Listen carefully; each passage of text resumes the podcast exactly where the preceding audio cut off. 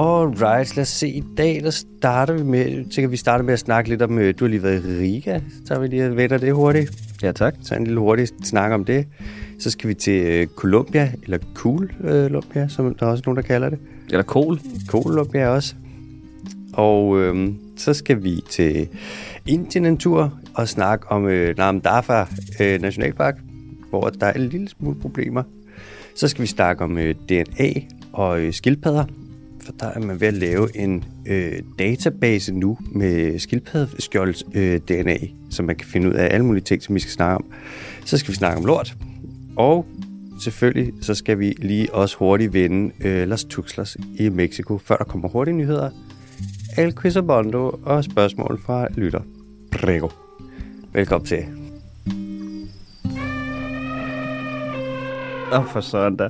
Øhm, Det føles som en evighed. ja, det er jo også det er jo to uger siden, du har siddet sidst. Ja.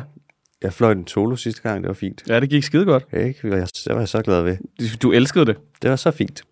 Fint, fint, fint. fint. Fint, fint, fint, fint. Nej, jeg var i Riga. Mm, hvordan var det? Det var sgu lækkert. Det var, øh, det var jo lidt en spontan tur. Altså, vi havde jo planlagt, at vi skulle på noget ferie sammen, som så ikke lige kunne blive til noget af, af, af mange årsager. Mm. Øh, og så tog jeg sgu en smuttur hurtigt til Riga. Som man jo gør. Ja, og det viser jo så, at vores, øh, altså din veninde, men som jeg også lidt kender, Diana, så er dernede, og hun er fra Letland, mm-hmm. og er vokset op i Riga. Og så yderligere to kammerater, Aja og øh, Philip også er dernede. Mm-hmm. Så lige pludselig, så var det jo bare, altså, Copenhagen Week i Riga. Fuck, hvor sindssygt. Ja. Landet af, af sylt. Altså, hvis man troede i Danmark, at man var glad for sylt, ikke? så prøv at tage derned og bare se altså, de 78 forskellige måder, man kan tilberede øh, helt almindelig kål på. altså, de er bare glade for at smide ting i eddike og sukker. det er bare pikkelland nummer et, eller hvad? Det er land nummer et. De elsker det. Og sådan en kold rødbedesuppe, fuldstændig proppet op med dild og sådan noget. Altså, de, de ruller derud af. De kører simpelthen kold borsch. Ja, det gør de. Er det lækkert? Mm, altså, jeg er jo ikke til dild. Så det er jo sådan... Allerede der. Sådan Men altså, det, smag, det smagte lækkert, men det- jeg tror faktisk, altså, den, havde, den havde været bedre varm. Altså, Det er, det er det, man siger om borsch. ja. Skal være varm. Det er, det er lidt spøjst. Men til gengæld, så, de har jo mit hjerte. Det er jo nemt at købe. Du skal bare lave kartofler på øh, 17 forskellige måder, så er jeg glad. Og det gør de også dernede. Det gjorde de også. Ja, ja. Det er meget dansk i virkeligheden, ikke? Altså, mm. når det er en kold vinter, så kører man lige noget koldt borge og nogle varme kartofler. Sådan, mand. Ja. Kold rødbedesuppe med dild. Det lyder på en eller anden måde lidt lækkert, og på en måde også lidt sådan... Jamen, det smagte egentlig også godt, men jeg tror bare, jeg skulle vende mig til det. Mm-hmm. Det er bare, fordi jeg har undgået dild i så mange år, ikke? Både som chips, har du det? som chips og som dip. Og, altså, dild-dip, det er jo den værste. Jeg vidste ikke, du ikke kunne lide dild. Jamen, dild er... Jamen, det er jo fordi, jeg har det med dild, ligesom jeg har det med karse og båndkarse. Det er som om, at der er nogle kokke på et tidspunkt, jeg tror, det må være, altså, det må være i grundforløbet på et eller andet tidspunkt, der er der nogle kokke, der får at vide, dild, det er det fedeste, og det, den bedste garnis, det er karse og båndkarse. Mm-hmm. På et eller andet tidspunkt. Ja. Fordi, nej, hvor er der mange kokke, der fuldstændig fantasiløst bare kaster dild og karse på alt deres pis, hvis de ikke ved, hvad de skal gøre. Du ved, lige for at toppe retten af. Og det smager altså grotesk dårligt hver gang. Ikke grotesk dårligt, eller også nogle gange også en borderline fuldstændig ligegyldig. Lige præcis. Ja. Altså, jeg kan forstå, du ved, at man lige, du ved, topper kartoffelmaden med lidt karse. Mm-hmm. Det kan sgu godt noget. 100? Men altså, jeg skal ikke sidde, du ved, øh, og spise en ramen nede på Griffenfeldsgade, og så bliver der smidt brøndkarse i toppen, fordi man ikke lige vidste, hvad man skulle komme grønt på. Der er forårsløg. Kom nu. Altså, Ja, kom, kom nu. Det er så latterligt. Jeg, forst- jeg, jeg fatter ikke, hvordan de gør det. Og de synes alle sammen, det er fedt. Så går de bare rundt og klapper hinanden på ryggen og siger sådan, åh, karse, hva'? Ja, karse. Ah, fuck, du fik brøndkarset den der. Er du set? Hey, vi skal lidt med dild over i den der rødbedesuppe. Dil på den for helvede. Ej, så Letland er jo et fantastisk land i den forstand, at hvis du spiller, øh, hvis du spiller øh, hvad der er, bilkort bare med landen, så tror jeg, at Letland øh, lammetæsker Danmark på rigtig, rigtig mange parametre. Ja, hvad tænker du? Jamen altså, nu snakkede jeg jo med, hvad der hedder, Dianas søster dernede, og hun er jo arborist. Et, et, et, et, et fag og, og, hvad kan man sige, en, en, en profession, der ikke rigtig fun- eksisterer i Danmark. Mm. Det er mere sådan en, du er så teoretisk arborist, så kan du måske vide noget, og så kan du rådgive på et eller andet tidspunkt, når der er en landskabsarkitekt, der gerne vil smide et græntag ind i en ny park eller Mhm. sådan noget. Ikke? Ja. Men dernede, der har du altså skovforvaltere på en helt anden måde, end, øh, end man har i Danmark. Øh, hvad er det, 54 eller 44 procent af landet er dækket af skov. Det er også deres største ek- eksport, så du ved, det er jo vigtigt ligesom at blive ved med at vokse ens, ens eneste naturlige ressource. Mm-hmm. Øhm, landbruget er ikke særlig stort dernede. Og i modsætning, øh, i modsætning til Danmark, der er vi er nede på 14 på 10 på 7. Altså med skov i Danmark? Ja. Vi ligger på øh, omkring 15 procent, Ja. men det er vist nok kun omkring en halv procent, der rent faktisk er sådan reel skov. Det Ja. andet, ja. det er sådan noget plantageskov, ikke? Ja. Ja, altså bøgeskov, eller du ved, de der lange rækker af græntræer, der står rundt omkring, Præcis. som vindfang og sådan noget, ikke? Ja, ja, og fyretræer, guywood, alt det der. Det er pissefedt. Mm. Men, men altså dernede, der virker det rent faktisk til, at man tager sig af skoven. Okay, ja. Ja. ja. Det er simpelthen noget fint noget fin naturskov. Meget fin naturskov. Og så er det jo underligt, fordi at, at, at Letland har jo tidligere været under vand, så sedimentet er fra det baltiske hav, så rigtig meget af det er sand. Mm. Så det er sandbund. Så øh, vi sejlede i kano dernede i 6 timer. Øhm, øh, eller hvad det hedder, pigerne, der var med, sejlede 3 timer, og så sejlede mig og Philip i 6 timer. Ja. øh, Sådan. hvad det hedder... Øh, I, I satte dem lige af, eller hvad? Ja, men de, de, de, blev, de blev lidt træt til sidst, så vi skulle lige trække den i mål. Okay, ja. øh, hvad det hedder. Men når du sejler dernede i kano, ja. så er det sådan, det er en underlig blanding mellem, du ved, gammel skov, men så er der sandbanker over det hele, altså ligesom en sandstrand, fordi et, et sedimentet er sand. Nej, hvor spøjst. Ja. Så du har enormt mange af sådan nogle, øh, hvad det hedder, øh, lidt ligesom du får med bæver, ikke? Når de falder i et træ, og du mm-hmm. ved, så opstår der noget bla bla bla, og det falder ned i vandet. Det får du egentlig nat- naturligt dernede, fordi sandbankerne bliver, altså øh, de eroderer, mm. og så falder træerne sådan lidt ned i vandet. Okay. Og så laver de sådan nogle små øer rundt omkring. Det, det er lidt spøjst. Det lyder ret fint. Det lyder sådan lidt øh, unikt. Ja. Lad os, lad os asfaltere det. Skal vi ikke det? Kan vi ikke det? Fæld, fæld lortet Fæld fæld hele og lortet. asfaltere det. Det er farligt, Ja. ja. øh, hvis træerne de falder ud jo. Det Ja. ja. kan vi ikke af. Har du noget at rapportere her fra hjemfronten? Altså, jeg tror ikke, jeg har mere, Amerika. Det kan være, der opstår noget lige pludselig. Var du på øh, Navaklap? Nej, Var du på den der øh, shotsbar? nej. Nå. Nå, de har, de har jo det der, de kalder en meter dernede. Har du set det? Nej, hvad er det? det jamen, det er bare sådan en, en meter planke, hvor der står øh, 10 shots i, og så er der et håndtag. Hvad er håndtaget til? Det er Det er, til, bæren. det er til at bære alle 10 shots. Så kan du lige købe en meter. Så kan du lige købe en meter. Hvad koster det? Det ved jeg ikke, det koster jo sådan noget 2 kroner eller et eller andet. det er jo det billigste land, jeg nogensinde har været i. Altså, hver gang jeg kommer til et land, der er billigere end Danmark, så er jeg jo imponeret. Så er jeg sådan, kæft, det fungerer hernede. Ej, du skulle prøve at tage til Nicaragua. Øj, hold da kæft, ja. Jeg kan huske en gang, jeg var i Norge, øh, i Oslo, og var i byen. Og vi stod, stod og snakkede om shots, så skulle jeg have et shot og sådan noget. Og det er bare sådan, koster 80-100 kroner for et shot. 10 mm. shots, der måske være heldig at få det for stedet 800. Ja. Spurgte jeg nogen derinde, nogle af mine ekskærestes veninder, og var sådan, hvad hvis man er ude, og man skal købe en flaske? Altså hvis man mm. er på ja, netklub eller et eller andet, man skal have en fla- hel flaske. Og de var alle sammen rystet bare på hovedet og var sådan, nej, nej, Nej, Nej. nej det, det er gør, ikke fedt. det gør man ikke. Nå, okay. Det kan du ikke. Der er ikke nogen, der har råd. Nå, Det er simpelthen for expensivo. Jeg vil skyde på slag på tasken, ind og købe en flaske på en natklub i Oslo. Du slipper ikke for under 4-5.000. Nå okay. Det er også lidt vanvittigt. Det er jo udbetaling til en bil. Ja, det- Shit. Hold da kæft. Ej, der sker, der sker mange ting dernede. Der var også... Øhm, øh, vi var i noget, der hedder Dundergar.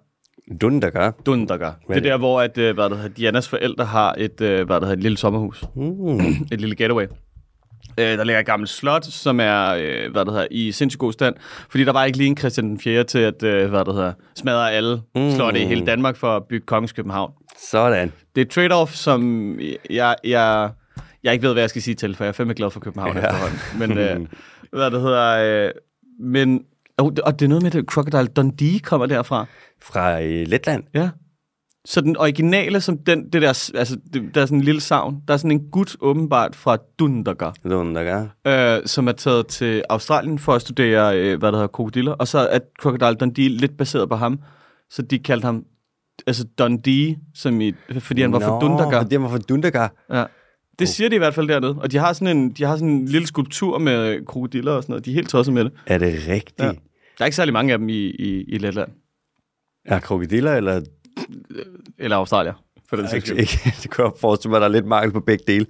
Men i, det, men i det lokale supermarked, der kunne man noget rigtig, rigtig fedt noget. Der var, øh, hvad der hedder, kartofler i en sektion. Ja. Og så lige ved siden af, så var der lokale kartofler. Er det rigtigt? Det er sindssygt, hva'? Det burde man også have her. Ja, ja. Du kunne gå hen og købe rødbeder eller lokale rødbeder. Var, det, var, var, var prisen så nogenlunde den samme? Nej, jeg tror faktisk, det var, det var lidt billigere på den, øh, hvad der hedder, lokale. Der er garanteret et eller andet eksport, du slipper for, når du bare lige kan køre det ind. Det På en trillebør. Det er jo Det er det er pissevædt. genialt. Det var burde det, jeg Mm. også- brokkede mig over på et tidspunkt, når man ikke kunne i Fyn, på Fyn. Altså. Mm. kan nemlig godt huske, var ja. Ja. marker over det hele, og man kan ikke få noget fra nogen af markerne. Nej, overhovedet. Så Rasmus Prehn, fødevare- og landbrugsminister, hvis du lytter med, mm. så få det lige implementeret. Ja. Vi skal have nogle lokale varer i disken. Men folk vil jo også gerne køre lokalt. Det hvis de vil de kunne. da. Altså muligheden. Lokalt og økologisk er du gal. Ja. Win-win-win-win. Ah, Åh den skal man, tror jeg lige, man skal passe på med i Letland. oh, ja, Den økologiske der. i hvert fald lokalt. Ja, det er lokalt. Lokalt. Ja, det er lokalt sprøjtet. Ja. Og så i stedet for, øh, hvad det hedder, slik op omkring, øh, hvad det hedder, deres, mm. deres øh, kassebånd, Ja. så har de sådan, du, kan godt, du ved godt, hvor stort et 11-mandsmål er, ikke? Ja, og Yixing. Og det er rimelig højt, ikke? Du, Ja. ja. sådan, du skal lige strække dig for at kunne nå, øh, hvad der er overlæggeren, og du skal lige gå et par meter, før du når ned til, til venstre stolpe, ikke? Mm. Ja. Prøv at forestille dig to af dem, bare fyldt med alkohol, og så små øer i stedet for grøntsager, hvor der bare ligger fuck bajer. Ja, Letland rigtigt. elsker alkohol, det er helt vildt. så står man bare der i sådan et alkoholparadis, altså. ja. Og samtidig, man skal lige undgå fristelsen. Ja. Og så koster det samtidig ikke noget. Nej, koster ingenting. Mm, lidt farligt. Ja. Nej, dejligt land. Tag den ned og drik stiv. Helt sikkert. Det jo, må være anbefalingen herfra. Tag mm. til Letland, tag til Riga, tag til Dundergaard. Dundergaard. Dundergaard. Og tak til alle jer, der stadig bliver ved med at skrive jer op ind på tier. Det er fucking fantastisk. Ja. Ja. Vi sætter virkelig pris på det. Det er øh, den dyriske Ja, et øh, eller andet i den stil. ind på, der er link ind på Linktree, så bare ind på Instagram, og så klik på linket, så kan man komme videre derfra. Ja, tak. Helt sikkert skal vi, øh, skal vi til det. Det synes jeg. Skal vi kaste os ud i det. Ja. Nyhederne fra øh, den grønne frontlinje. Vi øh, starter med at skulle lidt til venstre på kortet. Vi skal over forbi øh, Amerika, vi skal, over, vi skal forbi, lidt forbi Florida, hvilket der er nederen. Det er jo ikke, Satans. ja, det er vi sgu ikke Så missede vi lige den. Ja, åh, oh, fuck, og kører lige forbi, og bare, ej, det er det sted, alt alt svært i hele verden. Og så skal vi en lille smule længere sydpå, øh, nemlig ned til øh, Colombia, som jo også er, øh, hvad er det, man siger? El país conocido por su cocaína. Det er også kort for Colombia, ikke? På spansk. Jo, jo. Øh, Colombia, det er et land, som har nærmest alle habitater. Altså, de har Stillehavskyst, de har øh, øh, hvad fanden, er det, Karibisk kyst, de har paramo, de har mangrove, de har fucking gletsjer, de har bjerge, de har lavlandsregnskov, de har tågeregnskov. Altså, de har basically alt. De har biodiversitet, der stikker helt af. 12 procent af Amazonas regnskoven ligger i øh, Colombia. Og hvis man kigger på, hvad for nogle lande, der er de mest biodiverse i hele verden, så ligger Colombia på en delt anden plads sammen med Indonesien. Førstepladsen har vi så, øh, Danmark. der har vi nemlig Danmark, ja. det ja, mest tak. biodiverse land i hele verden. Vi har alle slags svin. Ja, tak. Vi har det hele. Alle svin, der Også har vi nogen, der ikke findes andre steder. Det her. er bare vi, vores. Ja, åh, vi har så meget svin. Tak til Days Crown. I øvrigt så efter øhm, Colombia og Indonesien, så er det Kina, Peru, Mexico, øh, Australien, Ecuador, Indien, USA og Venezuela, der er de mest biodiverse lande. Anyways, Colombia, de har lige startet et øh, initiativ, hvor de vil bruge 245 millioner dollars. Altså, øhm, det er jo så lige knap, hvad er den på nu? Det er cirka Vi skal bare kalde det en, en, en hurtig halvanden milliard. ja, så halvanden 1,7 1,7 milliarder kroner på at øh, skabe og forbedre og udvide øh, beskyttet natur til lands og til vands. De vil simpelthen beskytte 320.000 kvadratkilometer natur. Det er cirka Danmarks areal gange 8. Er der lagt en plan for det? Ja, det er der faktisk. Nå. Eller de er i gang, ikke? Mm. Men det er stadig... Involverer det flere pløjemarker? Ah, lige, lige Columbia her, der er de faktisk en lille smule over på sådan, den irriterende naturtalibaners side. De har simpelthen sat sig for... Ja, latterligt. Ja, men jeg- det er jo ikke, du kan ikke tjene penge på det der lort, men det er jo deres problem, ikke? De har i Colombia, de, de vægter virkelig deres biodiversitet højt. Der er nogen, der har sagt, at øh, for biodiversitet er for kolumbianere, hvad olie er for saudiaraber. Og jeg skal ikke kunne sige, hvad, hvem der har sagt det, og, hvordan, at, og hvad der menes med det, men det, jeg tror, summa summarum er, at det er super vigtigt for kolumbianere med noget smuk natur og en masse arter og alle de der ting.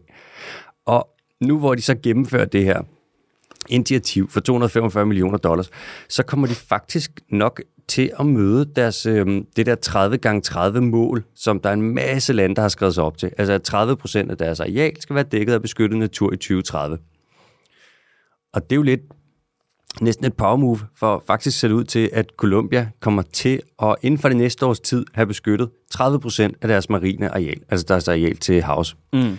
Det vil sige, syv år før tid, Hvor vi jo ambitiøst går efter 10. Ja, og det er jo så det, om vi kommer til det. Ja, ja, vi rammer nok fem. Ja, vi gik efter fire, ikke? Så fik vi Men sådan er det jo skilt hver gang med Danmark med de der mål, ikke? Så er det sådan, vi kravlede hen til, hvad der hedder, mållinjen, og så vi snublede hen over den til sidst. Ja. Altså. Og af en eller anden mærkelig årsag, så er det lige akkurat gået, hvis man lige skriver... Altså, hvis der lige er noget, du ja. ved, noget fix matematik. Ja, og vi har også lige... Der er lige en plan. Ja, ja, ja. Vi har et møde, som vi skal Ja. holde her. Og Danmark, vi var jo lige ved. Vi havde lavet den der havplan for 4 procent. Så fik mm. vi skal ud, skulle laves en ny, og så øh, kom krigen. Og så skulle der laves vindmølleparker, og så var man sådan... Hvilket var fucking heldigt, ikke? Altså, når så man lige man- står der. den der havplan der, uh, det kan vi ikke tage stilling til nu. Nej. Nu skal vi have nogle vindmøller og noget, så øh, det må lige vente, det der natur. Ja. Øhm, faktisk nogle gange, når jeg holder øh, foredrag, så kalder jeg også Columbia for cool øh, Columbia, Okay. fordi at de laver så cool ting med deres biodiversitet. Ja, Mm-hmm. Bare lige en lille side ting. okay. Øhm, nu prøver man at få det her på plads i Colombia. Mm. Og man prøver at... Øh, og man har fået alle de her penge ind, og man har gjort det på en lidt særlig måde, øh, hvor pengene ikke bare kommer fra en stor donor, eller fra et stort organ, eller... Det kommer simpelthen fra en masse øh, private og offentlige donorer, fra virksomheder og fonde og alt muligt. Og grunden til, at man gør det på den her måde, som er sådan lidt, sådan, hvor det er sådan, hvad kalder man det, sådan samletæppe, kludetæppe, mm. øh, strik sammen af en masse forskellige dele, det er, at man prøver at gøre det på en lidt ny måde, det her med at skaffe penge, sådan så at man ligesom kan lave en, øh, hvad siger man, bruge Colombia som en slags modelland, hvor man viser, okay, vi kan faktisk gøre det sådan her, og så kan andre lande ligesom kigge mod dem, når de er sådan, hvordan fanden skal vi få råd til at beskytte vores natur? Øhm, og Colombia er sådan, nu har de pengene, og de vil bruge dem på at beskytte kystområder, blandt andet der, hvor der er skildpadder, der lægger æg, og de vil bruge dem til at beskytte øh, skovområder, hvilket også er meget smart. Øh, de vil lave grønne korridorer, og så vil de selvfølgelig også slå et ordentligt... Bless you, bless you MPK. Puh, ja. Og så vil de selvfølgelig også slå et ordentligt slag for klimaet, fordi at, altså, sådan noget sund, god natur der, det kan være en rigtig carbon sink, som optager en masse CO2, og det er jo meget nice. Ja, lad os nu se, om Brasilien ikke får forbudt det. Man ved fandme aldrig med Brasilien, der, hvad de kan finde på. Bolsonaro. Ligger lige ved siden af. Jeg har også en lille hurtig nyhed med Bolsonaro senere, som er i Det, gang er, med... ja, det mener du ikke. Altså, Jo, han har virkelig, øh, han har næsten overgået sig selv. Et stort fed kødhoved. Mm-hmm.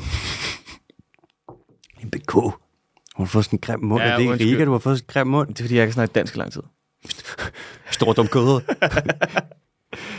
Hvad? Jeg bliver lige nødt til at gå ud og pusse næse. Ja, jeg gør det. Jeg er alligevel vant til at sidde her alene. Det er så fint. Det er fint. Der er nogle af de her donationer, de kommer også fra nogle kendte større organisationer, og fra nogen, der er en lille bitte smule kontroversielle. For eksempel øh, Bezos Earth Fund, som er Jeff Bezos Fund, som jeg har lavet med Amazon-pengene, og der kan man jo mene om, hvad, han, hvad man vil, men det er i hvert fald meget godt, at han giver penge til det her, kan man sige. Og øhm, nu øh, er det jo meget smart, det man gør med at få øh, pengene fra en masse forskellige donorer og prøve at gribe det an en lille smule øh, anderledes i forhold til at skaffe de her penge, fordi der mangler altså generelt bare penge, når man snakker naturbeskyttelse. Det er et kæmpestort problem. Det er jo ikke noget, man tjener så mange penge på at sige sådan noget, prøv at høre, nu øh, tager vi hele den her skov, og så øh, freder vi hele lortet, og så skal vi have nogle rangers ud og passe på det, og det er bare sådan. Altså, man kan tjene mere på den korte bane ved at drive noget industri i det. Men øh, det var under alle omstændigheder nice, og det kan være, at øh, Colombia så faktisk møder øh, 30-30-målet som et af de første lande overhovedet. Og det er sgu øh, rimelig sejt. Hvad går der og pusler med MBK? Den optager, ikke? Hvad siger du? Den optager, ikke også? Jo, jo. Godt nok. jo, jo. Åh, det skulle Jeg skulle, bare, jeg skulle bare tjekke, om der var nok plads til den rent faktisk kunne optage. Mm, også vigtigt. Nå, lad os se. Blip, blip, blip, blip, blip. Vi skal fra øh, Colombia, et af de her mega biodiverse lande, til et andet. Vi skal nemlig til øh, Indien. Og Indien. Indien. I Indien, der er der en øh, nationalpark, som hedder Namdapa. Jeg har, hver gang der er noget på indisk, hver gang der står et navn, så er jeg sådan, jeg er 4% sikker på, at jeg udtaler det rigtigt. Namdafa. Nambaba. Nambaba. Namdafa. Namdafa. Namdafa. Nam, namdafa. Namdafa. Jeg har så, jeg har så svært, ved at lave, svært ved at lave en in- indisk accent. Prøv en gang. Namdafa. Prøv at sige 32 på engelsk. 42. Det er sgu da god til. 32. 32. 32. Ah. Alright. I Namdafa, der er der lidt problemer med skovfældning og med krybskytteri. Og det er sådan, at Namdafa her, der ligger lige ved foden af Himalaya i det nordlige Indien. Og det er altså et øh, såkaldt biodiversitets-hotspot. Der er virkelig, hvis man kigger på biodiversiteten, så øh, stikker den rimelig meget af der. Der er virkelig smæk på arterne. Der er tiger og næsehornsfugle, og der er kæmpe æren. Ew. Du, du er en knirkende i dag. Ew. Æren. Bæver. Bæver. Bæver æren. Ej, det er længe siden. Bæver æren. Æren bæver. Æren. Sådan. Så fik du den. Æren. Godt. Æren bæver. Der er øh, træløb. Kæmpe æren. Hvor store bliver de der kæmpe æren? De bliver kæmpe. Prøv at søge på øh, Namdafa Giant Squirrel. Nå, men derfor er Giant Scroll, der er der få ting, jeg har lyst til at google mere end det. Husk Nå, at men gå derfor- øh, incognito. Det er sådan en, der kan godt ind- sende dig et eller andet underligt sted hen. Åh oh, nej, åh oh, nej. Ej, jeg er lige inkognito. Jeg lever livet på kanten. Sådan, YOLO. Hold da op. Hvor stor er den? Mm, oh, det er svært. Det er svært at sige jo. Altså. Og det er flyveæren Mm-hmm. også. Øh, bup, bup, bup, bup, bup, bili, bla, blup. Øhm, 40 cm. Oh, en halv meter æren. Det er også kæmpestor. Rimelig stor der. Man kan altid, hvis man er i tvivl med sådan nogle dyr, så kan du altid bare sige sådan, ja, man er på størrelse med en lille hund. Det kan betyde alt fra øh, Ja, ja. det er rigtigt. Chihuahua til Jack Russell Terrier til endda til sådan en engelsk bulldog, hvis du bare synes, det kunne da kæmpe hunde, ja, der Ja, er store og hunde. en, ja, og en golden, den er jo også rimelig lille i forhold til en, øh, til en Grand Danois. Præcis. Grand Danois. Så, ja, så kæmpehæren, det er på størrelse med en lille hund. Der er også øh, træleoparder, og så er der den øh, kritisk troede kinesiske pangolin, som jo er et dyr, der virkelig er blevet jaget meget, som har det rigtig, rigtig stramt. Det er sådan, at den her park, Namdafa-parken, den er på lige knap 2.000 kvadratkilometer og bliver betragtet som et af Asiens sidste store vilde områder. Men nu er problemet så, at den er ved at blive mindre. Altså, træerne bliver fældet, og der kommer færre store dyr, og hvis skyld er det her så? Og det er her, hvor det bliver sådan lidt rodet, for der er nogle oprindelige folk, som bor inde i parken, mm. som hedder Jubin-folket, eller Joben. Jobben. Joben. Jobben. Og de har boet der i lang tid. Øh, de har været i konflikt med myndighederne de sidste 50 år, fordi at de en gang i 70'erne, så sagde man, det her Namdafa, det er altså øh, naturpark nu, og der skal I ikke være. Men så var folk jo bilfolket, så er de sådan, jamen det er jo vores hjem. Altså vi er jo født her, vores forældre er døde her, vi er sådan, hvor skal vi tage hen? Og så Det er ikke myndighederne- særlig løsningsorienteret, dem her. ikke, ikke rigtigt, men samtidig, prøv at tænke, hvor irriterende det er. Det er ligesom, hvis, okay, lidt, forestil dig, at vi boede i Gribskov, ja. og vi, sådan, vi havde en lille... Det har, jo praktisk, det har vi jo praktisk talt begge to gjort. Ja, hvis vi, Lige på boede, kanten. det er fandme ikke engang løgn. Hvis vi boede ude i skoven, mm. vi havde en lille, øh, lad os sige, vi havde et lille community. Vi boede nogle familier sammen der og hyggede os, så lige pludselig så kommer der Fem nogen, familier. der er sådan, ja, cirka. Ja. Ja. Fem familier, og så en lille købmand. Og så lige pludselig så kommer der nogle øh, autoriteter og siger, hej hej, nå men øh, det er faktisk øh, naturområdet nu, så adios, mm. ud, I skal væk. I det endnu mas, fuera. Hvad fanden vil man sige? Jamen, man vil nok sige, øh, vi er jo født her, og Excuse me, mister. ja, I, I would go excuse me, mister. We have, we have been living here for a long time. ja per favores, can um, we Øhm, please stay, please? It's, it's, it's like, we see the forest, and, and we live with it, but uh, also, I think we stay. We stay, please. Ja. We stay. Og så er det autoriteterne siger, we give you money if you leave. I don't need money. I just, I just go, and I get mango, mm-hmm. and then I eat it. You need to get mango from supermarket. A local, locally grown mango? Organic don't panic mango. Organic don't panic. You need... Hvad er det, det hedder? øh, Kæft, mand. Det er jo en, sådan, en rigtig drilsk konflikt, ikke? Fordi det Ja, er jo ja. binfolk, de er derinde, og de jager jo, og de fælder lidt skov og sådan noget, men mere gør de nok ikke. Der er også det med, altså, er det deres skyld, at den her pakken bliver smadret? Jeg har ikke kunne finde ud af det, men altså, jeg tror godt, vi kan undre at give dem skylden for, at øh, naturen er blevet så fragmenteret i det nordlige Indien. Det er jo vidderligt hakket op, og så er der kun nogle små pletter tilbage, og så er det tilfældigvis lige der, hvor at, øh, at de bor, ikke? det er jo også det her med at tage diskussionen om, hvorvidt og hvordan, og i hvilken udstrækning, at øh, oprindelige folk må bo i beskyttet natur, og hvornår er nogen et oprindeligt folk, og bla bla bla, det ene og det andet. Altså, vi kan jo ikke komme og smide stammefolk fra øh, midt inde i Amazonas ud af skoven. Det kan du absolut ikke. Men hvis du har et eller andet sådan noget lidt mere border... Altså, det, det kan da bare lige, vi kan da bare lige spole 30 år frem i tiden, så kan du da se det komme til at ske. Altså, faktisk se det ske nu. Det Ja, er ikke engang løgn. Det kan vi faktisk godt så. det kan man godt. Altså, Ja, helt sikkert. Det kan vi spørgsmålet, er, spørgsmålet er bare, hvor meget vi har besluttet med vores lov, at det også gælder for de andre. Ja. Og det kan jeg fortælle dig, at det er cirka 100 procent. Tror du, de claimer den? Sådan, tror du lige, de har en repræsentant lidt ude, sådan en Morten Messerschmidt-agtig type, der sidder i et lokale council og siger sådan, ah, vi er faktisk imod det, I bestemmer. Jeg tror, de Ligesom prøver, i EU. Jeg tror, de prøver at sende en ind, Ja. og så øh, får Bolsonaro en eller anden til at binde hans snørbånd sammen. Eller lige giver dem et kreditkort og siger, at den er på staten, den her. Ja, Ja. værsgo. Værsgo. Du skal vist lige en tur til Nægter. Panama. Har du været i Bocas del Toro? Glæd dig. Altså, det er også det der med, om folk, om skoven bliver udnyttet på en bæredygtig måde, en ubæredygtig måde, og alt det der. Og hvem skal vurdere det? Øhm, fandme ikke os. MBK, den glider vi let og elegant hen over den der. Nej, det skal jo ikke blive politisk. Nej, det skal den nemlig ikke. Så øh, man kan sige, fandme ikke nemt for jubinfolket, men fandme heller ikke nemt for parken der. Den øh, en grimmert. Ja. Alright. Held og Held lykke til dem. og lykke til dem alle sammen. Ja. Vi skal videre og snakke lidt om øh, skildpaddeskjold. Skildpaddeskjold. Skildpaddeskjold er Skildpaddeskjold. skildpadder, der i øvrigt slet ikke øh, er padder. Nå, Så de har jo et it's not a frog. Nej, de har nemlig et rimelig omvendt retvisende navn. Øhm, det er sådan, at der er rimelig meget smæk på salget af de her produkter, lavet af skildpaddeskjold. Og det Det er altså smager også fantastisk, har jeg hørt. skildpadder. Ja. Kender du nogen, der har smagt skildpadder? Nej, men der, der går den der legende om, at man var sejlet et eller andet sted hen, f- og så skulle man transportere nogle skildpadder tilbage til England. Ja. Og øh, så var der lige en, der fik smagt på dem, og så kommer de hjem sådan her. Mm, Jeg elsker det der sådan noget. Jeg kom lige til at smage på jeg det. kan lige til at smage på det, så kunne vi til at spise alle sammen. Ups. Øps. Det er ligesom, når man får åbnet sådan en, en, en pose cashewnødder eller et eller andet. Ja. ikke? Altså, jeg ved, godt, det, jeg ved godt, det ikke er godt, det her. Præcis. Men jeg tror, nah, Jeg tror, jeg, jeg tror, jeg prøver bare at smage, bare lige, bare lige smage én. En enkelt. En. Smag bare lige én. smager bare lige én. Det er jo også smart med skildpadder, de kan jo holde så sygt lang tid. Øh, Skildpadder behøver ikke, de behøver ikke spise så tit. Mm. Så hvis du er ude på en eller anden ø, lad os sige, du rammer, du er ude at sejle, og du rammer Seychellerne for sådan noget 400 år siden, så kan du bare tage nogle skildpadder ind, så har du lige en madpakke med. Ja. Så er der bare skildpadder, der render rundt der. Mm. Kan de gå i flere måneder, uden at du fodrer dem, og så når du er klar, så slagter du dem bare og laver øh, skildpadder. Altså, og hvis de stikker af, ikke? Altså, du kan nemt fange dem. Det er det nemmeste. Altså, det er det nemmeste. Du kan bore et lille hul ind i skjoldet, i kanten af skjoldet, og så bare lige sætte en krog i.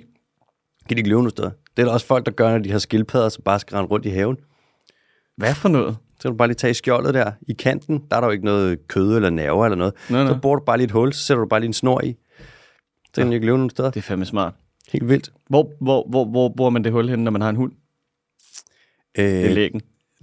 klart, det er kildescenen. Ja, ja, lige præcis. Ellers så giver du den, så får den lige i næsen der. Så får den lige tyring. Au, au, au, au, Uh, Lille au, Wuffy. au, au. Nej, det må man ikke. Det Ej, må man ikke. Det skildpadder, må man undskyld. Ikke. Ja. Altså, øhm, ja, de har jo skildpadder har det her skjold for at beskytte dem. Og ironisk nok, så er det så også det her skjold, som gør, at de bliver jaget alt for meget, så det faktisk virker sådan lidt omvendt beskyttende på dem. Og der er særligt nogle havskildpadder, øh, som bliver jaget meget på- for at få hvad man- hvad fat i deres skjold. Blandt andet den, den ægte karateskildpadde. Karateskildpadde. Karate-skildpadde. Fuck, jeg ved ikke, hvordan man siger det, mand. Den har ikke noget med karate at gøre. Der er to T'er, der er kun et T i karate. Anyways, karateskildpadder, de kan, eller havskildpadder kan blive ret store, og den her karateskildpadde, den er i den mindre ende, men det er altså stadig et ret stort dyr. De kan komme op på typisk lavet på omkring 80 kilo, men man har vist nok fundet en, der vejede sådan noget 120 eller et eller andet. Og den har et vildt flot skjold. Øh, det veksler med sådan lidt forskellige farver. Farverne ligner lidt hornbriller. Det der, hvor det er sådan noget lidt lyst, og så er det lidt mørkt, og så er det sådan lidt hornagtigt. Og man kan sælge produkter, der er lavet af det her skjold, for rimelig mange penge. Så i løbet af de sidste 180 år, der har vi fisket 9 millioner af dem op, cirka. Det er jo også en chat, det, kan man sige. Det er rimelig mange. Ja. 9 millioner skildpadder. Og det har primært været for at få fat i deres skjold. Jeg kan ikke lade være med at tænke nogle gange, når man kigger på de der tal for dyr. Altså bare forestil dig sådan, 100 skildpadder, det er ret meget, ikke? ja. 1000 skildpadder, det er sådan, det er fucking rimelig meget. 100.000, og så bare køre op, og så bare forestil dig 9 millioner skildpadder, mm. som ligger der, og de er typisk sådan gennemsnitligt omkring en meter lange, ikke? ja. Altså, det er jo vildt. Det var ligesom det der, øh, det der billede, vi havde med ind i Absalon. Ja, med øhm, bisonerne. Ja. Så sygt. Ligger der bare altså millioner af kranier oven på hinanden. Mm. Det er for vanvittigt. Altså prøv at tænke, hvis man tager 9 millioner skildpadder, der er en meter lange, og man lægger dem i forlængelse af hinanden, ikke? så er det jo så sjovt nok 9 millioner meter. Hvor mange Ja. ja. kilometer er det overhovedet? Det er stadig sådan... Mm, jo, det er så... 9 millioner meter. Det er 900.000 kilometer. Ja. Det er fucking... Altså, det er absurd meget Det er næsten skildpadder. 10, ga- det er 10, det er 10 gange rundt om jorden. Altså, det er fuldstændig fucked. fuldstændig fucked. Ja. Nå. De hedder jo, øh, øh, på, på engelsk hedder de ørnenæbet. Havskildpadde. Fordi de har sådan lidt ørnenæb. Hvad er det, det der? Det er Hawksbill, ikke? Jo. Mm. De er super fine, Ja. øh, og nu er de så tæt på at uddø. Så hvor mange er der tilbage, ved du det? Mm, man estimerer, at man har hivet omkring 75 procent af dem op. 75 procent op, ikke? Så nu er der 25 procent tilbage, ikke? Ja. Jeg tager ved med, at den her, den ryger af, hvad der hedder, kritisk trudelisten, hvis den bare stiger med, lad os sige, øh, max 5 millioner. Så er man sådan- så er man ikke kri- kritisk truet længere. Altså, Det her med 5 millioner, det kan sgu godt være. Det kan da godt være. Man får et lille nyk op. Og så Jeg synes bare, vi har set det rigtig mange gange, når vi har kigget på de her dyr, som man har slået altså sådan fantastisk meget ihjel. Mm. Altså sådan virkelig, virkelig dygtig meget ihjel. ja. Øh, så lad os sige, øh, lad os sige der er 100.000 af dem, ikke? Mm. så fjerner du 90.000, men så lader du populationen stige fra 10.000 til lad os sige 15.000, altså hvilket er en, en, en øh, sådan noget 50 procent oveni, eller mm. et eller andet, ikke? det er 150 procent. klart. Øhm, og så er man sådan, "Nå, men nu er den ikke kritisk troet længere, fordi nu er der altså dobbelt så mange, som der var før. Mm. Ja, men altså, der er 15 procent af, hvad der var, inden vi gik i gang med at slå Ja. yeah. ihjel. Altså, Men det er stadig fucked. det virker bare så vanvittigt, at man bare sådan på den måde kan sige, den skal ikke tilbage til sin oprindelige population Det er, ja, det individbestand. Altså. vil jeg godt følge dig. Det er det der med, at man kigger på, hvad, hvad er trenden. Ja. Ja. Hvis den er stigende, altså hvis der kommer flere af dem, så er man sådan, jamen så kan den jo ikke være så troet. Nej. Men hvis der kommer færre af dem, så er det der, hvor man sådan, og specielt hvis det er lynhurtigt, at de forsvinder, så er man sådan, det er det ikke godt. Men, Men Mm. Men det er jo fordi, vi har snakket om det før med Rasmus Prehn og alt det der pis, der foregår ude i Øresund og rundt omkring. Ikke? Du ved, med torsken og fisk, øh, øh, øh, torsken og tunen og mm. makrallen og Ja, yeah. ja. frem og tilbage. Så der er jo kraftigt ikke den fisk derude, der ikke har det af helvedeste. Ja, Altså, de når jo kun at lægge låg på noget i tre nætter, og så ser man, der er en ny bestand, en ny lille bestand af torsk, og så er man sådan, cool, I går bare i gang igen. ja. Nu er den lige ved at komme sig. Ja. Den er lige ved at komme. I går bare løs. Altså, hvis folk vidste, hvor store torsk kunne blive, den største torsk, der er fanget, den er jo altså gigantisk. Nu får du kraftet ikke noget, der er større end 3 kilo. Du skal finde den største Prøv torsk lige at nogensinde. finde den her. Jeg, jeg vil gerne gætte på, at den største torsk nogensinde, den vejede omkring hmm, 72 kilo. Ja, den største torsk, der den nogensinde har fanget, den var to meter lang og vejede lige omkring 100 kilo. Fuck af, mand. Og prøv at tænke, hvad du får nu, hvis du stiller dig op. Ah, du fanger jo ikke engang noget, hvis du stiller op med fiskestang i Helsingør. Nej, nej, nej, nej. Det er rigtigt, men øh, ja. Og det der med, at hvis at dyr skal tilbage til deres oprindelige populationsstørrelser, der skulle sagt mig også, fuck, det vil kræve meget plads. Altså, der plejede at være virkelig meget dyr derude, ikke? Det kunne man jo bare se. Vi har jo siden, hvad er det, 1970, der har vi jo reduceret øh, mængden af dyr med ryggrad. Det har vi jo reduceret med omkring 70 procent, ikke? 68 procent, ja. Ja. tror jeg vist nok, at øh, WWF's eft- estimat lyder på. Det er fucking sindssygt. Altså, vi, det er virkelig hurtigt, at vi får fjernet dyr. Ja. Der er også flere og flere dyr, der bliver troet. Og som sagt, så er det det der, når de først er troet, og særligt hvis de bliver kritisk troet, så skal man huske, det er stadig ikke for sent så, men det er sådan virkelig en advarsel om, at der skal ske noget nu, Ja. og ellers så tipper vægten. Og hvis først et dyr det er uddødt, så er det virkelig, virkelig, virkelig svært at få tilbage. Meget dyrt. Og hvis man har dem i fangenskab, og du skal avle op og lave reintroduktioner og sådan noget, fuck, det er altså Ja, det er ikke sjovt. det er et kaosprojekt. Det er ja. Ja. så dyrt og svært, og tilladelser, og det ene og det andet. Det tager så mange år, kræver så meget arbejde. Det er meget nemmere at lade være med, bare sådan, bare lade være med at udrydde dem. Altså i bagklogslag, bagklogskabens lys er det jo altid nemt ligesom at sige sådan, nej, men altså, hvis du ikke vil, øh, vi havde den der med, øh, hvad er det, Pumaen, eller Mountain Lion, eller hvad var Mm. Ja, det, ikke? ja. Du ved. Der ender med at få øh, øh, øh, brittle, brittle tail, Mhm. mm-hmm. øh, en lille porøs hale, fordi at der er for meget indavl. Præcis. Og det er noget fucking pis. Så du ved, i baggrundens lys, så tænker man sådan, okay, hvis vi nu havde bygget, øh, hvad der hedder, vejene op i luften eller sådan noget, så havde de stadig kun roame, du ved, for neden, ikke? Mm-hmm. Og det er jeg godt klar over, at det er sådan, det, du kan ikke gå tilbage nu og bare lige hæve en, hvad er det, en syvsporet, det er så en 14-sporet motorvej mm. i Los Angeles. Den kan du ikke bare lige gå ind og hæve. Altså, du ved, du kan ikke lige trykke på elevatorknappen. Mm. Men du kan vel for helvede lade være med at kaste net ud i havet med hensyn til fiskene. Det er jo ikke fordi, at vi har en masse tunneller, i det nede i havet, eller en masse sejlruter, eller et eller andet, der mm. gør, at hvad det hedder, torsken konstant skal fiskes, eller at du ved, ikke kan få lov til at yngle eller formere sig. Det er jo kun fordi, vi bliver ved med at, at, at trække dem op. Altså. Det er det. Og det er jo en hel industri, som ligesom skulle ændre deres metoder og fremgangsmåder og alt det der, hvis man ligesom skulle lave om på det, ikke? Jo. Hvilket man kunne sige sådan, Hvilket også er irriterende. Jeg, skal nok, jeg begynder at holde kæft nu. man kan også sige sådan, til fiskerne, kunne man være sådan, hvis I nu lader være med at fiske den så hissigt, så kommer der faktisk øh, flere torsk, og så er der Ja. faktisk flere fisk, så I kan tjene flere penge. Ellers smider de store hundeindivider ud i- igen. Altså. for eksempel også det, hvis man kunne det, altså lave noget mere selektivt fiskeri på en eller anden måde, ikke? det tror jeg ikke skulle kunne være smart. Nå, anyways, skildpadder og skildpadderskjold. Nu er det sådan, at øh, man er begyndt at gøre noget nyt for at finde ud af med de her skildpadder, hvor, øh, hvor at de ligesom bliver fanget hen. Mm. Du kan nemlig tage, hvis du finder øh, produkter lavet af skildpaddeskjold, så kan du lige skrabe lidt af det af, og så kan du finde øh, DNA fra skildpadden, og så kan du kigge på det DNA og matche det med DNA fra øh, vilde skildpadder, man har fundet. For eksempel, hvis der så er en skildpadde op og lægger æg på en strand, så kan du også lige gå over og tage lidt DNA fra den. Og så vil man, fordi bestandene tit har DNA, der lidt ligner hinanden, så kan man faktisk ved at finde de her produkter, matche dem op med øh, DNA øh, fra vilde skildpadder, og finde ud af, okay, hvor er det så nok, at de er blevet høstet henne? Øh, og man lægger alt det her DNA op i en, en DNA-database, som man kalder Shellbank, mm-hmm. øh, hvilket jeg synes er et rigtig, rigtig godt navn.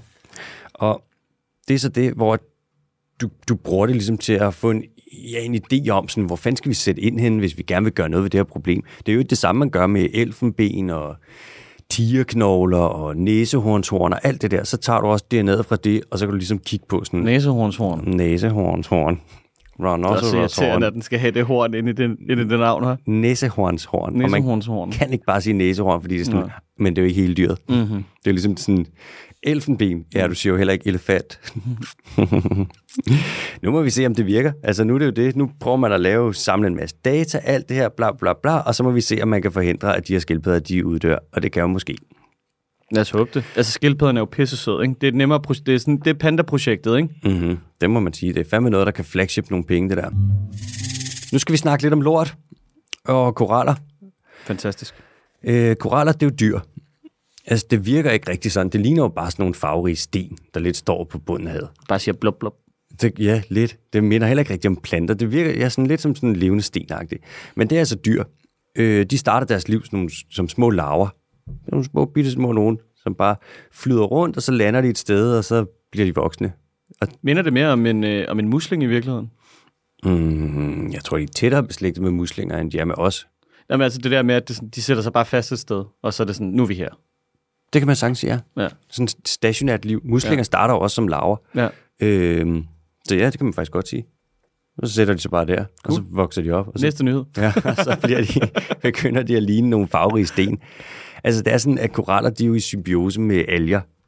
Nogle af dem er i hvert fald. Det er så alger, der kommer, og så bor algerne inde i korallerne. Og så laver algerne fotosyntese øh, og laver noget sukker, og så får korallerne noget af det her sukker, og til gengæld så øh, laver øh, korallerne så et hjem, hvor at algerne kan bo, og korallerne passer lidt på dem. Øh, og det er derfor, at mange koraller, de har de farver, de har. Det er simpelthen fordi, at algerne, der sidder i dem, de farver dem. Så kan der dog ske det, at hvis korallerne de får et chok, eller hvis de bliver stresset, for eksempel hvis der kommer store temperatursvingninger, så kan de ligesom skyde algerne fra sig. Fordi at det kan være, at de tror, at der er kommet en eller anden fremmedorganisme ind i dem. Et eller andet, hvad ved jeg. Og når de skyder algerne fra sig, så bliver de hvide. Det er det fænomen, du kalder øh, coral bleaching. Og det er det, man ser på rigtig mange koralrever nu, hvor at... Øh, er det overhovedet det, det hedder i flertal? Koralrever? Koralrev. Det er koralrev også i flertal. Mm. Det er det, man ser på rigtig mange koralrev nu. øh, Rev.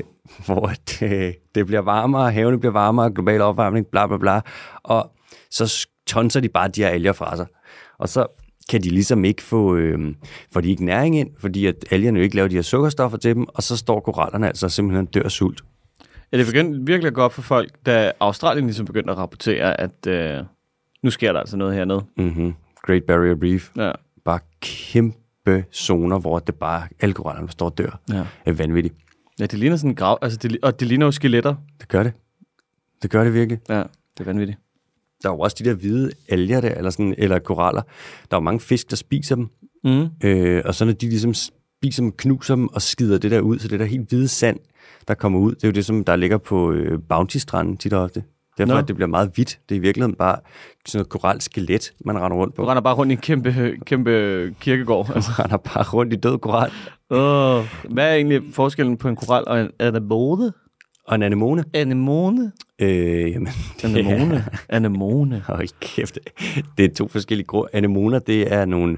Meget bekendt, jeg tror, anemoner, det er polypdyr. Og koraller, de er vist i en anden gr- orden. Så det er to... Eller er de i samme orden? Ej, det er pinligt, det kan jeg sgu ikke huske. Det er noget med... Man kan sige, at anemoner vokser også over jorden. Det, jeg snakker om, det var søanemoner. Det tror jeg, det er det, du, tæ- det, du tænker på. Ah, du forvirrede mig lige lidt. Du fik mig lige til at tænke på blomster. Det er, Ja. ja. det er så nemt. Øhm, man er ikke så sikker på, hvordan at koraller og alger de kommer i kontakt med hinanden. Der er jo det med, hvis der skal nogle alger ind i korallerne, så skal de jo komme et eller andet sted fra. Øh, men nu er der altså nogle forskere, der har undersøgt det og fundet ud af, at det muligvis er via øh, lort. Nå, Det er simpelthen fra de fisk, der spiser koraller, for eksempel papegøjefisk og sådan noget. Så kommer de hen og spiser noget koral. find Nam, Nemo. nam, nam. Der var den. Find Nemo, ja. Ja, tak. Nemo også selvfølgelig, mm. kommer hen, spiser noget koral, øh, og så får de noget af det alge med ind, som sidder i korallen, og så svømmer de videre ud, og så laver de pølser, og så i, de, øh, i deres lort, Små fiskepølser, så klovnfiskpølser. laver, de, li- så laver de en lille smule salchichas, lidt kort, og så er der lidt øh, alger i deres lort. Og så er det så der, hvor de på den måde kan sprede algerne. Og det er der, hvor man så tænker, hvad hvis vi avler en masse af de her fisk, som spiser alger, og sætter dem ud et sted, hvor korallerne bleacher, og så kan de måske sprede lidt alger fra nogle af, af de koraller, som ikke er bleachet nu, og til nogle af dem, som er bleachet. Og de, altså de koraller, der ikke er bleachet endnu, altså hvor, som ikke har skudt algerne fra sig, de må jo have de mest resiliente alger. Altså alger, som bedst kan, eller de må være bedst til at kunne tåle, hvis der er temperaturforskelle og den slags. Ikke? Mm. Så man, kan, gå- man tænker lidt sådan, okay, jamen så kan fisken jo sprede lidt af det her gode alge her rundt. Lidt ligesom hvis vi mennesker, vi får en B-transplantation for eksempel. Ja. Øh, og det kan måske virke, øh, og der er selvfølgelig mange mænder og visser, og det, altså, det er ikke sikkert, det lige kan lade sig gøre, også fordi de her koralrev, de virker tit som en slags øer. Altså, de ligger sådan lidt isoleret, og fiskene valgfarter sjældent imellem dem, så man må håbe, at der er både bleachede og ikke bleachede koraller på en af de her pågældende øer i gåsøjen, ellers virker det nok ikke rigtigt. Men alt det der, det er jo bare store, det er nogle mænder. Det er bare nogle mænd. Det er bare nogle store, dejlige mænder. Det er bare nogle mænd. Det man anslår, at øh, det største koralrev, som er Great Barrier Reef, er på størrelse med Italien. Fuck, det er også stort. Står der, hvor meget er det, der er bleachet? Mm, mm, mm, mm, mm. Great Barrier Reef består af mere end 2.600 enkelte rev og 300 øer og strækker sig i et 2 km langt bånd. Revet er opbygget over de seneste 8.000 år. Det tog os rigtig kort tid at ødelægge det. Det står der ikke, det var noget, jeg tilføjede. Ja, fedt. Det er hjemsted for, et, øh, for uhyre, øh, hvad der hedder, mange forskellige marine arter. Øhm, der står ikke, hvor meget der er bleachet. Det kom på UNESCO's verdensarvsliste i 1981. Og ligesom med alle andre af UNESCO's øh, Mhm. verdensarvsliste mm-hmm. objekter, Ja. ja. så er det begyndt at gå i forfald. Det er godt. Det er Perfekt. Perfekt. Godt. Jeg hader, når der er noget, der ikke følger reglerne. Koraller er lavet af solskin, står der. Står der det? Mm-hmm. Godt, du lige skal skal få rettet den her Wikipedia-artikel en lille smule. Det er den blå planet, jeg er på, du. Koraller er lavet af solskin. Ja. Det er da meget fint. Jeg tror ikke, vi skal læse ind i det. Så jeg kan, nej, vi, gør, vi hopper videre til næste nyhed. Ja, tak. Øh, vi skal til Mexico. Et af de lande, som jeg allerhelst vil til overhovedet jo. Mexico. Mexico og Iran, de ligger på min... Ej, der vil jeg så gerne hen. Jeg skal til Iran. Skal du det? Ja, en eller anden dag. Fedt, fedt. Jeg vil sindssygt gerne derned. Jeg hørte, det skulle være verdens sødeste folkefærd, og så skulle deres arkitektur være fuldstændig vanvittig at kigge på. Det har jeg hørt præcis det samme. Ja. Maden skulle være hjernedød. Ja. Øh, og der er ikke noget rigtig så meget alkohol, så man safter sig ikke ned, når man er ude at spise. Jeg skal... Uh, life will find... Altså, som Jeff Glo- Goldblum sagde i Jurassic Park, life finds a way. Life finds a way. Og på samme måde, så skal jeg sgu nok kunne opstøve et par øller eller to dernede. bare tage, køb papvin, posen ud, bare gaffatape lortet til kroppen. ja, tak. Mhm. Jeg er bare en stor, velpolstret mand. Mm-hmm. Øhm, det er jo heller ikke, altså, jeg undersøgte en gang, hvis man skal til Iran, ikke? Du kan tage toget ned til Istanbul, og så kan du tage bussen fra Istanbul til Teheran. Konstantinopel. Til, ja, sorry, til Konstantinopel. Ja. Vi bruger de gamle ord her Ja, ja, i tak. podcasten. Og det tager ikke så, der er nogle dage, men det er jo ikke, altså, Iran ligger ikke så langt væk igen. Jeg tror, hvis du har, hvis du har tre uger, Ja. øh, og du er villig til at slå nogle stop på vejs, så ser det ikke helt urealistisk ud. Det tror jeg heller ikke. Så kan man lige tage toget først ned til München, tage på Bierhalle, Oktoberfest, alt det der. Ja. Jeg lige har lavet op, inden Ja. ja. man skal til, øh, du ved, et land uden alkohol. Ja, og så lige ramme, øh, køre over Østrig, lige ramme Innsbruck på vejen, lige drikke sådan nogle Sillertals, bedste pilsner, der findes. Lige tage et hurtigt smut op forbi, måske lige ramme Polen, drikke noget Svijek, så køre ind igennem der, lige ramme øh, selvfølgelig Tyrkiet, alting. Stop i Georgien, drikke noget orangevin, alting, og så ned til Iran, og så har du lige tre dage dernede. Ja, tak. Og så vende rundt igen og tage Ja. ja. den samme tur hjem, ikke? Ja, jo. Det kunne være vanvittigt. Nå, men Mexico, der vil jeg fucking gerne hen, mand. Igen.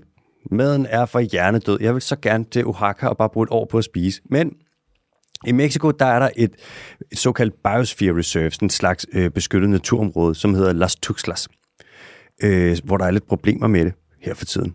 Og det har der været de sidste mange år. Hvad er der galt? det bliver fældet, og det bliver ødelagt. Nå, Det ligger lige ud til Atlanterhavskysten. det er som om, det er på mode. Det, er- det er faktisk en sådan en gennemgående tendens. Det er næsten som om, der er blevet startet en trend. Mm. Øhm, Hashtag cut down that tree. God, that shit. Hvis man tager, øhm, det ligger, det her Las Tuxtlas ligger lige til venstre for Yucatan-halvøen. Sådan en halvø, der er der i Mexico. Det er der, hvor man, øh, der ligger også Playa del Carmen og alt det der. Det er der, hvor du tager hen, enten hvis du skal på øh, spring break, eller hvis du er en øh, meteor, som lige skal smadre ned i jorden og lave til den at sige det. femte masseuddøen. Og det her Las Tuxtlas, som ligger derovre, det er et sted med ret, der er super unik biodiversitet. Øh, det er den nordligste tropiske regnskov, der overhovedet ligger over i Amerikaerne. Og der er allerede flere arter, der er forsvundet fra det her område. Nogle arer, altså nogle store øhm, papegøjer, og navlesvin, sådan en slags, ja, sådan en lille, lille Martin Henriksen. præcis, en lille peccary. og de er begge to vigtige frøspredere, så det er ikke så nice, når de forsvinder, fordi så skoven automatisk kan ikke ligesom sprede sig så meget, som den ellers ville kunne. Og grunden til, at der er kommet så meget pres på det her område, det er kvægeavl, og det er øhm, olieboringer, og det er menneskesmugling, og det er narkotikahandel. Så det er altså fuld plade, hvad angår de her ting, der på den ene eller den anden måde ikke er så godt for øh, naturen. Men nu er man så gået i gang med at prøve at regenerere det her område. Altså lave lidt, få lidt natur tilbage. Og det går ikke super hurtigt, men der er et projekt, som hedder La Otra Option, altså den anden mulighed, som har taget det på sig at genplante skov og øh, reintroducere nogle dyr. Mhm. Mm-hmm. Og øh, de gør det, og det virker. Og som sagt, så går det ikke super hurtigt. Men Ligesom med alt andet i Mexico. ja, det er faktisk rigtigt. Det eneste, altså det ene, i København, der er der jo et par meksikanske restauranter, ikke? Det mm. eneste autentiske ved de restauranter, det er, at man altid får lov til at vente en fucking evighed på alt, hvad man bestiller. Høj, hvor er det slatten alle steder. Tænker du på blød taco? Øj, jeg hader at blive taco, mand. Øh, kan du huske det? Jeg, kan, du- var du med den dag, hvor at jeg tilbød dem altså sådan noget 60 kroner eller 100 kroner for at få lov til at købe en frisk avocado ved siden af mine tacos?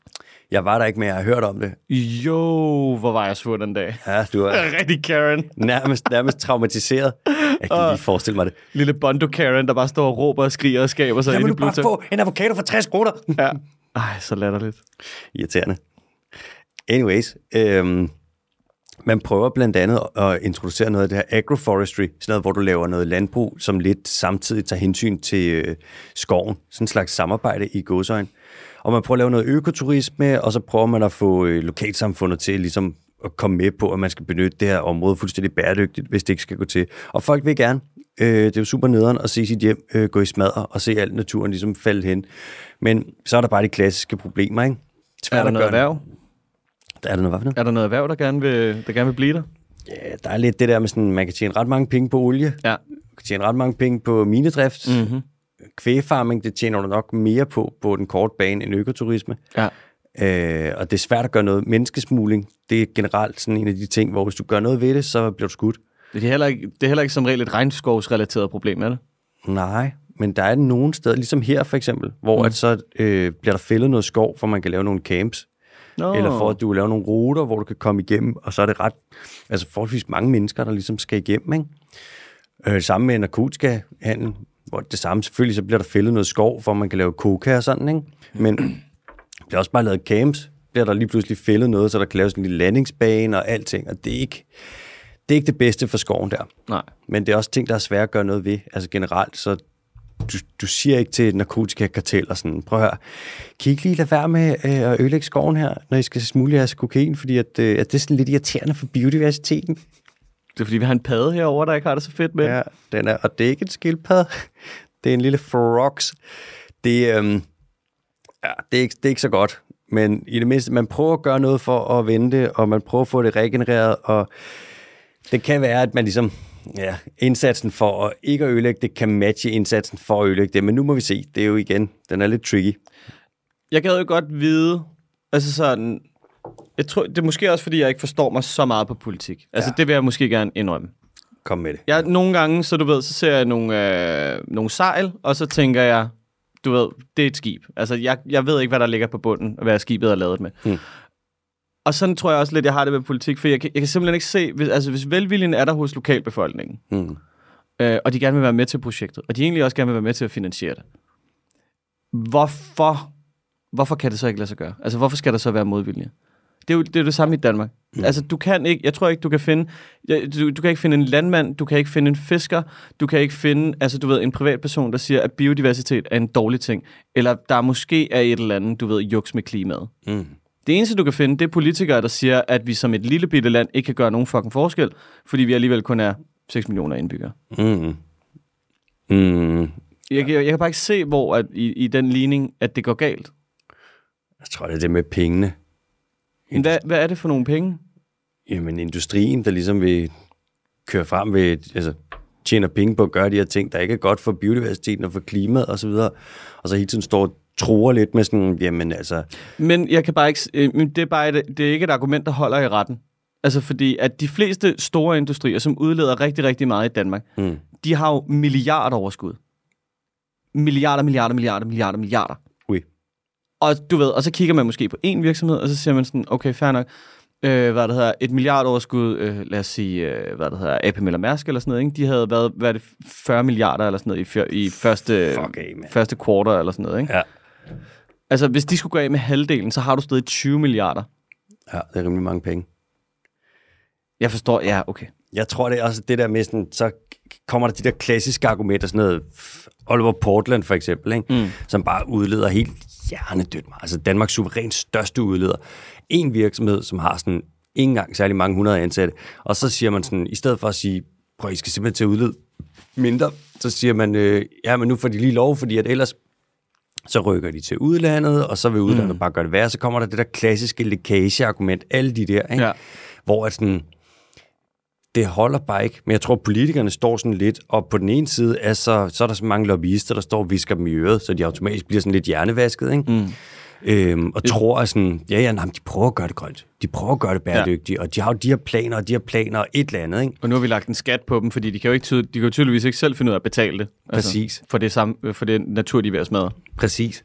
Øh, så tror jeg, det er det. De får sådan en masse lovninger på, at det nok skal blive bedre, og så samtidig er der hele tiden, det ligger altid og lurer, det der med sådan, ja, men ellers så rykker de bare ud af landet, og så Men det er mister bare vi. sådan noget, det, det jeg synes, der, ved du hvad jeg synes, oprigtigt synes, der er irriterende ved det? Kom med det. Og det, det er jo fordi, at jo jo, grådighed og alt det der, ikke? men det er fordi, det i virkeligheden er bølletaktikker. Altså, Ja. det er sådan noget rigtig, du ved, skolegårdsbølle noget, ikke? Sådan en slags afpresning næsten. Ja. Mm. Og det, jeg, synes, jeg synes simpelthen, det er så grotesk og så irriterende, og jeg er godt klar over, at, eller jeg tror, ikke, jeg tror faktisk ikke, der er nogen af dem, der sidder og er sådan noget helt kulsorte onde Nej. inde i, øh, hvad det hedder, hjertet. Tror jeg Men jeg tror, de har nogle forpligtelser, de skal leve op til, og så går det kompromis, kompromis med deres egen etik og moral, mm-hmm. fordi at der er nogle aktionærer et eller andet sted, som forlanger, at profitten hvert år skal gå opad. Præcis. Altså, ja, det, det er bare lidt modløst på en eller anden måde nogle gange, når man sidder og kigger på det. Det er det. Og det der lækage-argument er også bare fucked, ikke? For du kan altid, et hvilket som helst land vil altid kunne bruge det, mm. så længe at der er nogen, der er værre end dem. Ja. Det er jo det. Altså, vi kan jo i Danmark, vi kan jo producere svin og cement og hvad fanden ved jeg lige, altså så længe vi vil. For der vil næsten altid være nogen, der er dårligere. ja, ja. Det eneste, vi skulle... Det Ellers er det jo skala-argumentet. Altså, du ved, altså, Indien udlevede mere end Danmark, men det gør de ikke per, hvad er det, per individ, indbygger. per capita. Men Det er du jo også ved, det. Ja, det men der med var sådan- rigtig mange. Jamen, det er ikke så vigtigt, hvad Danmark gør, for vi er sådan et lille land. Hvor det sådan, men jeg kan jo ikke sige. Så hvad hvis du delte hele verden op i små øh, fraktiler, hvor der var, som var på størrelse med Danmark? Var det så lige meget, hvad, hvilken Hvad nogen som helst- gjorde. Ja, Ja. ja, det er lidt det er sådan, det kan man ikke rigtig bruge det der argument. Nej. Også det der sådan, jamen, det er lige meget, hvad vi gør. Sådan, er I ikke et grønt forgangsland? Satans. Ja. Jo, jo, det bliver vi. Det bliver vi. Hockeystav. vi skal bare lige, ja, der skal bare lige gå et på. Fuck Ja. ja. op. Nå, sådan er det. Det kan også være, at jeg lige har været på ferie, så jeg har lidt opsparet, du ved, øh, du ved nu er jeg sur af energi. Ja, åh, åh, nu er jeg vred igen. Jeg er vred i Riga, jeg er sur. Nå, vi skal til de hurtige nyheder, og de går lynhurtigt. i dag. ja tak. Øh, Monark-sommerfuglen der, sådan en sommerfugl, der er kendt for...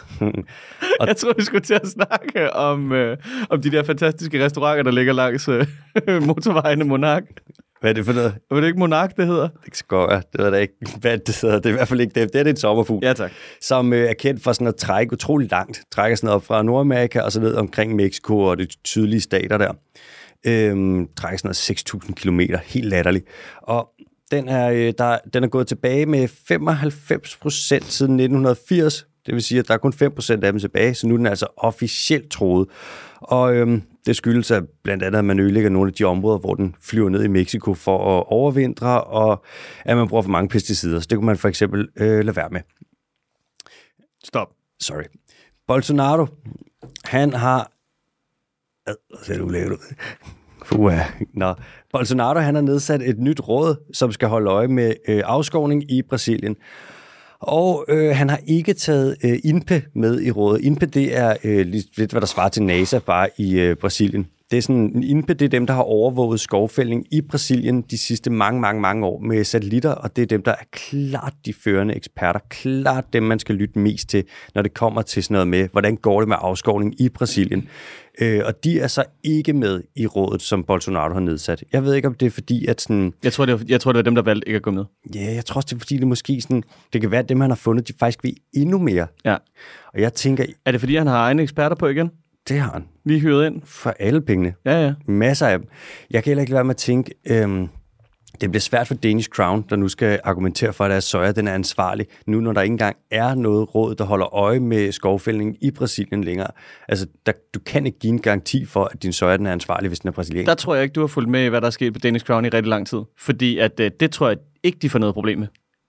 Jeg tror faktisk, du har ret, desværre. Det tror jeg overhovedet ikke, de gør. Jeg tror, de kommer til at køre samme PR-kampagne. Ja, det tror jeg, du har ret. Ja. Jeg tror, alle hopper på den. Ja. Alright, nå, næste hurtige nyhed. ja, tak. Øhm, spørgsmålet er, om et land det kan have for mange tiger. Og det er et godt spørgsmål. Øh, Nepal er ved at undersøge det nu. Mm. Nepal er jo ikke et større land end som så, men de vil have ret mange tiger. Ja. Tiger har deres territorier, og tiger de kan jo komme i konflikt med mennesker, og tiger de render ud til over landegrænser og sådan noget. Og kan der faktisk komme så mange tiger i et land, at det begynder at være for stort et problem? Altså, Begynder det ikke at selvregulere sig? Ja, og det er jo det med sådan, der vil jo være tiger, der slår hinanden ihjel, og deres territorier vil blive så tæt sammen, så det ligesom ikke kan være der, men man kan klemme rimelig mange tiger ind et sted. Ja, se Texas. For eksempel. ja. og så tiger begynder jo også øh, at, sp- at spise mennesker på et tidspunkt, ikke? Mm-hmm. når de kommer tæt nok på dem, og hvis der mangler andet mad, fordi at de spiser det. Så det er lidt et, et spændende ting nu, hvor at man i Nepal kigger og sådan, ah, jeg tror jeg måske, vi er ved at faktisk nå bærekapaciteten for tiger. Og ja, det må, jo- det må tiden jo vise. Spændende. Og med de ord, der giver jeg ordet videre til dig. Skal vi, skal vi direkte videre til en, øh, til en quiz? Jeg ved ikke, om jeg måske er blevet lidt aggressiv, hvad det hedder, på Chris, øh, øh, ikke Chris men øh, hvad det hedder, Krigsfronten. på øh, den gode gamle quizfond. Men øh, jeg tror, jeg, jeg tror også, den bliver svær i dag. Lidt oh, ligesom den var sidste uge. Beklager. Fuck, fuck, fuck, fuck, fuck. Øh, men lad os komme til det. Ja. Som altid, du får et lille fun fact, som øh, kan give det væk, hvis du ved rigtig, rigtig meget om det pågældende dyr. Mm. Øh, efterfulgt af, øh, hvad er der, fem andre facts. Kom med. Cool. Jeg har et dobbeltlag pels, så hedder jeg på grønlandsk umimak, og det betyder den behårede. Dobbeltlag af pels, umimak, den behårede, øh, Og det er ikke sten. og det er ikke en sten. Nej.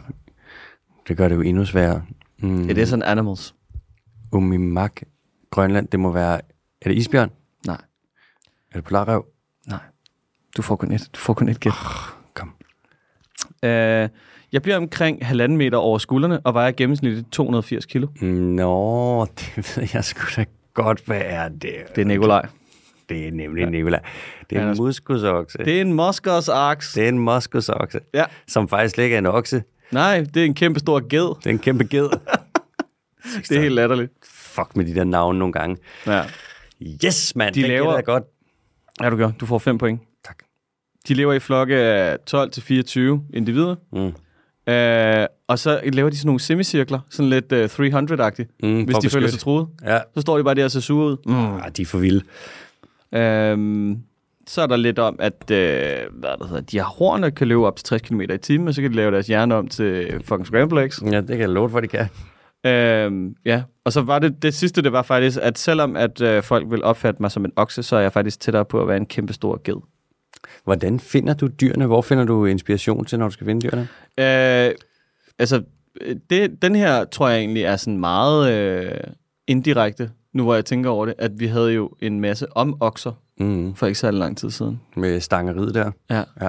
Men ellers så, øh, nogle gange så prøver jeg at tage, øh, hvad der hedder, utrolig kedelige dyr, som for eksempel, at vi havde geden på et tidspunkt. Ikke? Mm. Øhm, Så du sigter bare sådan efter den kedeligste fællesnævner? ja, eller noget, der lige er spændende, og nogle gange så finder jeg ud af, at jeg har valgt et dyr, det, det sker jeg ret ofte, hvor jeg har læst sådan noget 45 minutter ind i det, og prøvet at finde, du ved, nogle små fakta og sådan noget, ikke? og så er det sådan noget med, at det er en afart af en afart af en afart, eller et eller andet, så du Mm. ved, chancen for, at du gætter det her, den er, den er relativt lille. Hvad, vi har noget Q&A også? Vi har nemlig et spørgsmål fra en lytter. Vi har et spørgsmål fra Søren, der skriver... Okay, den starter Hej, Søren. Lige. Ja, hej Søren, ja. Den starter med, øh, hej Alexander, og du kommer, du bliver også nævnt senere. Så jeg bare lige så du ved det. Lytterspørgsmål. Rewilding. Hvis man alligevel går i gang med for eksempel at lægge marker eller produktionsskov op til vild natur, kan man så introducere nye økosystemer. For eksempel lave en form for dansk mangrove eller prærie, noget der lyder nyt og spændende. Er det praktisk muligt, og vil det være en god idé set fra en biologs synspunkt? Jeg forestiller mig, at man kan bygge steder, der akkommoderer arter som for eksempel ulv, bæver og bison eller flotte fugle og Bæver. fisk. Mm-hmm. Ja.